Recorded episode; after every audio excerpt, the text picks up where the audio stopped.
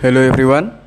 Di sini saya akan membahas tentang memilah sampah, tentang caranya memilah sampah tanpa menyentuhnya. Ya, langkah-langkah penting seperti ini yang pertama adalah bedakan tempat sampah sesuai kategori agar sampah dapat didaur ulang atau digunakan kembali. Kurangi penggunaan barang yang akan menjadi sampah yang tidak bisa didaur ulang serta ikut sertakan anak sejak dini untuk meningkatkan pemahaman mengenai pentingnya memilih sampah. Sampah menjadi salah satu masalah utama bagi kelangsungan hidup.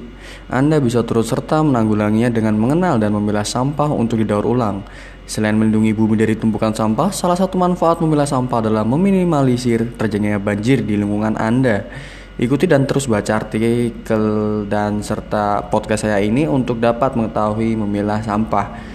Mungkin kunci mengenal dan memilah sampah adalah mengkategorikan sampah sesuai jenisnya untuk menjaga kualitas sampah agar tidak terkontaminasi dan mempercepat proses daur ulang. Sekian dari saya dan terima kasih semuanya.